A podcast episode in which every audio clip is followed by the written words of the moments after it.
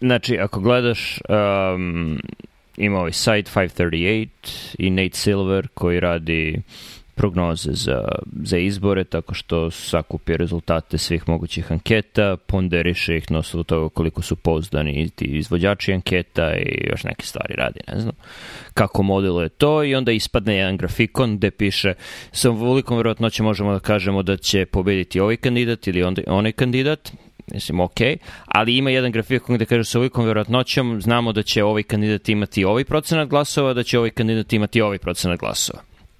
I onda imaš jednu debelu plavu liniju koja ide gore dole, jednu debelu crvenu liniju koja ide gore dole i blaže svetlije plavo i svetlije crvenu traku koja je u pozadini, koja je interval poverenja. Mislim, oni ne, ne nazivaju tako, ali je to je 80% interval poverenja. Objasni ljudima kod kuće šta je interval poverenja. E, to je ključno. Znači, ako neko vidi takav neki grafikon gde imaš jednu debelu traku i jednu svetlu traku pozadi na prvi pogled ono što ono kako mi intuitivno interpretiramo te grafikone je da je najver, najveća verovatnoća da će biti tamo gde je ova debela linija, ali da neće biti čudno ni ako bude malo gore ili malo dole.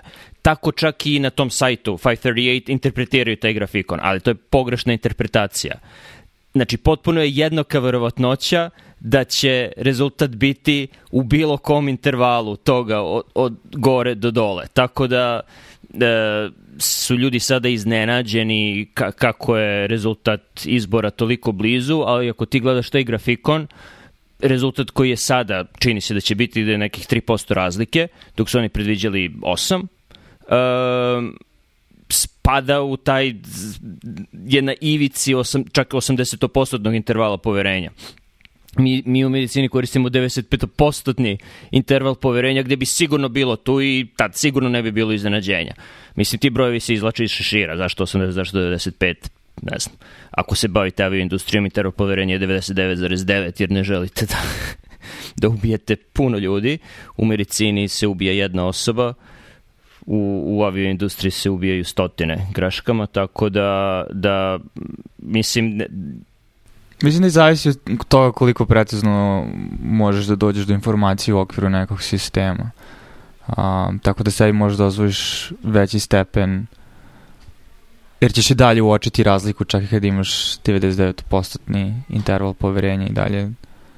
Neko, mislim, intuitivno razmišljam u, u avioindustriji, inženjerstvu, u, u pitanju su mašine i sistemi i proizvodni procesi koji su jasno definisani i na svakom koraku lako možeš da dođeš do izvora potencijalne greške i da ga popraviš za razliku od razumeš, kliničke prakse gde ima toliko promenljivih i koji uključuju žive organizme, tako da kad bismo uključivali mnogo veći interval poverenja, pitanje koliko bi leko uopšte bilo odobreno. Da li je to loš? Pa možda i nije loš. Možda, možda bi trebalo da novi standard bude 99% interval poverenja u medicini. Da. A ajde samo objasni zašto, šta znači to 80% interval poverenja, 95% interval poverenja? Znači, ako ne možemo da izmerimo celokupnu populaciju, celokupnu grupu, kod izbora mi merimo sve one koji izađu na izbore, znači to nam je zlatni standard, to je tako uzimamo stalno stanje stvari ali ono što rade ovi koji rade ankete, oni uzmu reprezentativni uzorak i izmere neku karakteristiku populacije na reprezentativnom uzorku. Ono što kaže interval poverenja je kada bismo uradili 100, ako imamo 80% interval poverenja, ako 100 puta uradimo uh, merenje, 80 puta bi ta vrednost bila u ovom intervalu. No. Znači, to je jedino što interval poverenja znači. No. Ali ono kako ljudi čitaju te grafikone se baš ne uklapa u to šta znači interval poverenja. Znači, ne znači, najverovatnije je da će biti ovde na sredini, ali može biti malo gore, malo dole. Ne, jednaka je verovatnoća da će biti bilo, da je stvarna vrednost pod navodnicima bilo gde u ovom intervalu. Tako da ne bi trebalo da predstavi iznenađenje ako je na ekstremima. No. Mislim, to je jedna stvar koju ljudi dosta loše interpretiraju, druga stvar je uh, P vrednost, koja opet, ono kako ljudi interpretiraju je verovatno će da je neka hipoteza tačna. odnosno verovatnoća da je nulta hipoteza tačna i ako vam je P vrednost 0,05, koja je on, standard u, u medicini, znači verovatnoća da, da uh, je nulta hipoteza tačna, da je, ovo, da je naša hipoteza pogrešna je 5%. Ali to ne znači to, nego znači kada bismo jako je sličan interval poverenja. Kada bismo ovaj eksperiment pos, po, ponovili e, 100 puta, šansa da dobijemo ovakav rezultat e, ako ne postoji razlika između kontrolne grupe i eksperimentalne grupe je 5%. Znači, t, t, čisto, čistom slučaju bismo 5 puta od 100 dobili ovakvu da. vrednost. I opet u nekoj meri to je arbitrarno definisan po znacima navoda rizik ili verovatnoća s kojom smo ok da dokle god je manje od 5% šanse da je rezultat toga slučajnost um, ok smo sa tim rezultatom. Jer da bi imao precizni, da bi imao um, manju šansu da je ishod rezultat slučajnosti, moraš da napraviš mnogo veći broj merenja, to jest imaš mnogo veću moć, power, kako se na srpskom, već sam zaboravio statistike. Pa valjda moć. Moć. Snaga. Snaga, snaga studija, da. da. Uh, uglavnom, ni ti ni ja nismo statističari, ni bio statističari, ali Lepo, dobro, ovo je onako, pričamo o stvarima o kojima ne znamo baš puno. Uh, da. Sad tu postoji meta problem. Da li se to 5% odnosi samo na konkretan problem ili se odnosi na kliničke studije uopšte? Jer se u svetu trenutno izvodi toliko kliničkih studija ne puno randomiziranih treće faze, ali puno, i ne previše, ali ipak puno. Uh, da, da li meta gledano ako, ako uradimo 100 randomiziranih studija koje, koje su... Pet, pet od, od 100 pozitivnih randomiziranih studija, pet njih je slučajno. da. Pet njih bi bilo slučajno pozitivno. Da, da.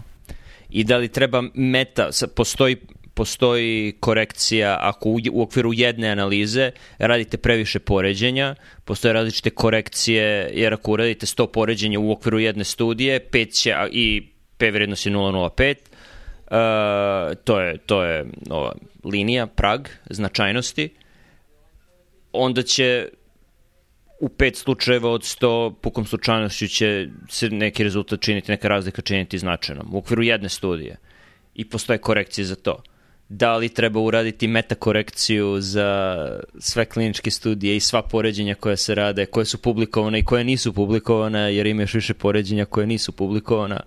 Da, pogotovo što, mislim, mada do duše, mnogo manje postoji verovatno faza tri kliničke studije koje ne budu publikovane. Zato što, mislim, je negativan rezultat relevant. U odnosu na, recimo, fazu 2 ili Misliš, fazu 1. Razmišljaš o onkologiji. Da, da, u odnosu na fazu 1 i 2, naravno, postoji da. ono, Mislim, hoću kažem da vrh tog ledenog brega nije toliko mali. Jer ako, mislim, ako uključiš hiljadu pacijenata u studiju, to je negativna faza 3, ok, možda nećeš publikovati u New Englandu, ali moći ćeš da publikuješ u nekom dobrom časopisu. Ne, ti, ti to razmišljaš, razmišljaš sa strane e, nekog univerzitetskog profesora koji hoće da, da gradi svoju karijeru, ne razmišljaš sa strane farmaceutske kuće koja radi globalne studije po Indiji, Južnoj Americi, Aha. Africi i onda sakrije rezultate ako je ne odgovaraju, a znamo za taj primer primer je Tamiflua gde postoje studije koje su publikovane i koje nisu publikovane i birali su rezultate koje će prezentovati FDA i birali su rezultate koje će publikovati.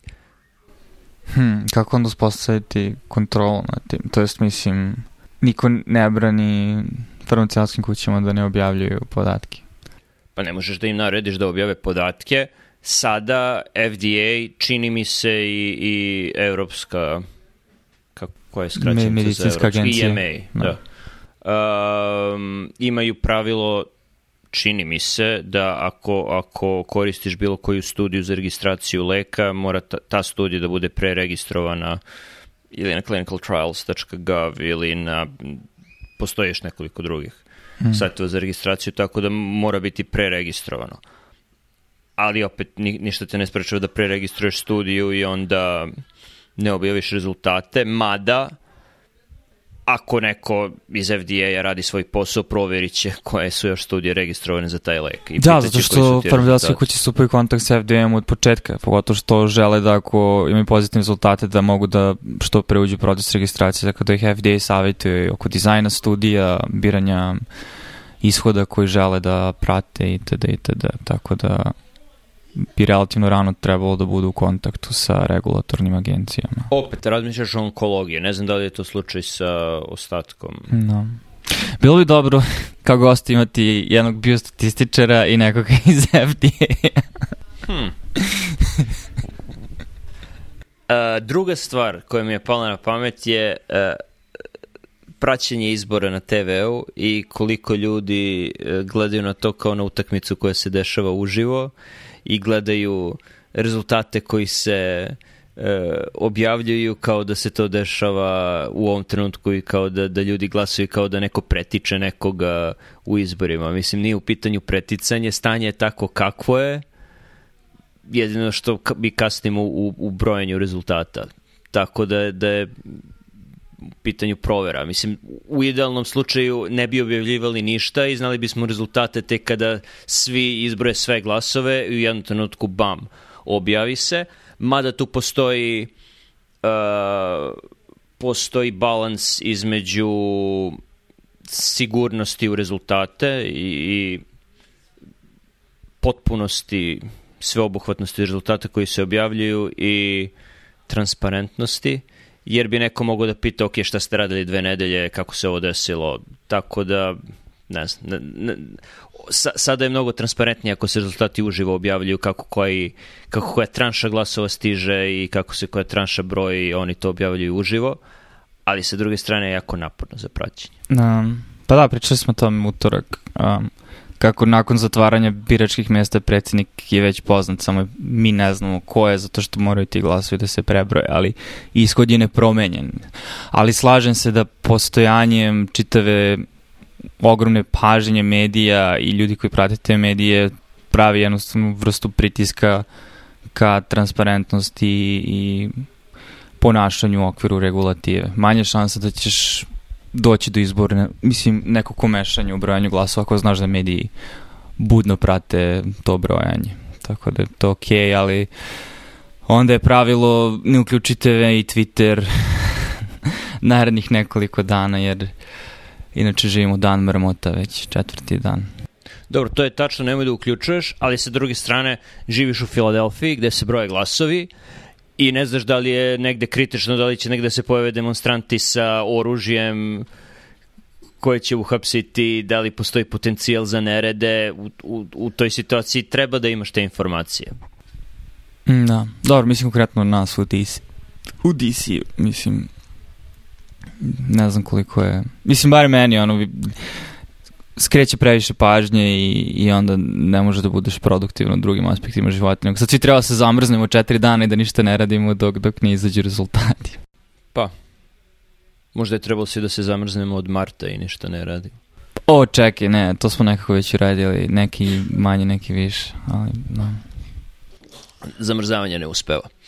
Uh, pa to, mislim, i svako se drugačije nosi sa tim. Ja barem u mom slučaju bolje funkcionišem kad imam manju uvidu to, jer onda kreneš benefit koji dobijam time što osjećam da sam na, na ono, pragu informacija je daleko manji od cene toga, to je poremećena pažnja u toku dana i onda ne možeš da budeš ok koncentrisan za stvari koje inače treba da radiš. Tako da, da. naročito praćenje informacija na koje ne možeš apsolutno da utičeš i koje sa te strane definitivno postoji strana koliko te informacije utiču na tvoj život i tu je opet ako živiš u nekom od kritičnih područja, ne znam, u Oregonu ili gde god su nemiri redovno, treba više računa da vodiš, ali da, ako si u DC-u gde nema dileme ko je pobedio ili ako si u zemlji koja nije SAD, gde će se posledice izbora osetiti sledeće godine, ako se promeni administracija i ako se ne promeni administracija, posledice će biti, onda nema potrebe uživo da pratiš informacije iz toga koliko je, koliko je udovica iz predgrađa Atlante glasalo za koga. Da. Mi što me podsjetilo još jednu zanimljivu stvar, a to je koliko kada pričaš, mislim, bar iz mog nekog ono opšteg iskustva sa Amerikancima, koliko velika većina njih i dalje nije svesna um, na neki način relativne unipolarnosti američke moći na internacionalnoj sceni i koliko su uvek iznenade što su drugi ljudi van Amerike toliko zainteresovani za ono što se dešava ovde što je mislim jako zanimljivo jer mislim oni nemaju, oni nemaju iskustvo postojanja neke velike sile u njihovom životu kroz koje kroz, mislim mi na neki način posmrtamo u velikoj meri svet kroz prizmu Amerike jer je to nešto što postoji pozdani, hollywoodski filmovi, muzika, internacionalna aktivnost. Neko ko živi u Americi nema to iskustvo, zato što su oni deo te, um, oni su deo te sile. Da, ali mislim da se to menja. Mislim da se menja da ljudi postaju svesniji toga. Da postaju svesniji jer... Imaju imigrante koji im govore o tome. da, ne da su... samo to, nego, nego su direktno izloženi napadima sa strane. Ako si neko od zaposlenih u onih 500 bolnica koje je bilo zahvaćeno ransomwareom u ovom United Hospital sistemu, da. ko ne zna... Šta je ransomware? Znači, neki, neki administrator nekog servera uh, bolničkog koji ima podatke iz 500 bolnica o pacijentima je otvorio aplikaciju koja je preuzela kompjuter, zaključala server i tražila da se isplati ne znam koliko miliona dolara u bitcoinima da bi se otključalo. Tako da su 3-4 nedelje preko 500 bolnica širom Amerike koje su u tom sistemu nisu imale pristup elektronskim kartonima, što je ne znam kakva je situacija u Srbiji, ali ovde ne, ne možeš da se baviš medicinom bez kompjutera, pošto je apsolutno sve, od istorije pacijenata, od laboratorijskih rezultata do uh, krvnog pritiska, znači to, samo, samo da se vidi koje je stanje stvari, e, rentgena, slika, sve to na, na kompjuteru, a i naručivanje lekova, naručivanje procedura, bilo šta što se fizički radi na pacijentu mora da ide preko elektronskog sistema, tako da ne mogu da zamislim kako je to izgledalo dve nedelje raditi to. Dešava se povremeno u svakoj bolnici da na par sati pod navodnicima padne server ili nešto rade, to se obično, ako je planirano, dešava subotom u 3 ujutru, kada se onako ne dešava puno toga. Osim ako nisi ti u dežurstvu te noći. da kucnem u drvo, nikad nisam imao to iskustvo. Ok. A, tako da Tako da je ok na par sati, ali dve nedelje i tri nedelje tako funkcionisati, to je, ljudi su to osetili na svojoj koži. I to sigurno nije bio unutrašnji napad. Severna Koreja voli tako da puni budžet.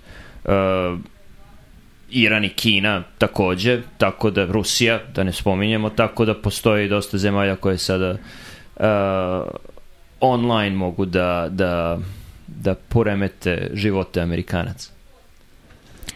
Ali i misliš da su zbog toga Amerikanci svesni svoje pozicije u svetu, jer... Mislim da jesu, da. da. Mislim da na njih sada mnogo više utiče kada bi uh, brat Xi iz nekog razloga više ne bi bio generalni, ili on generalni sekretar KPP-a. Ne znam koja je moja funkcija.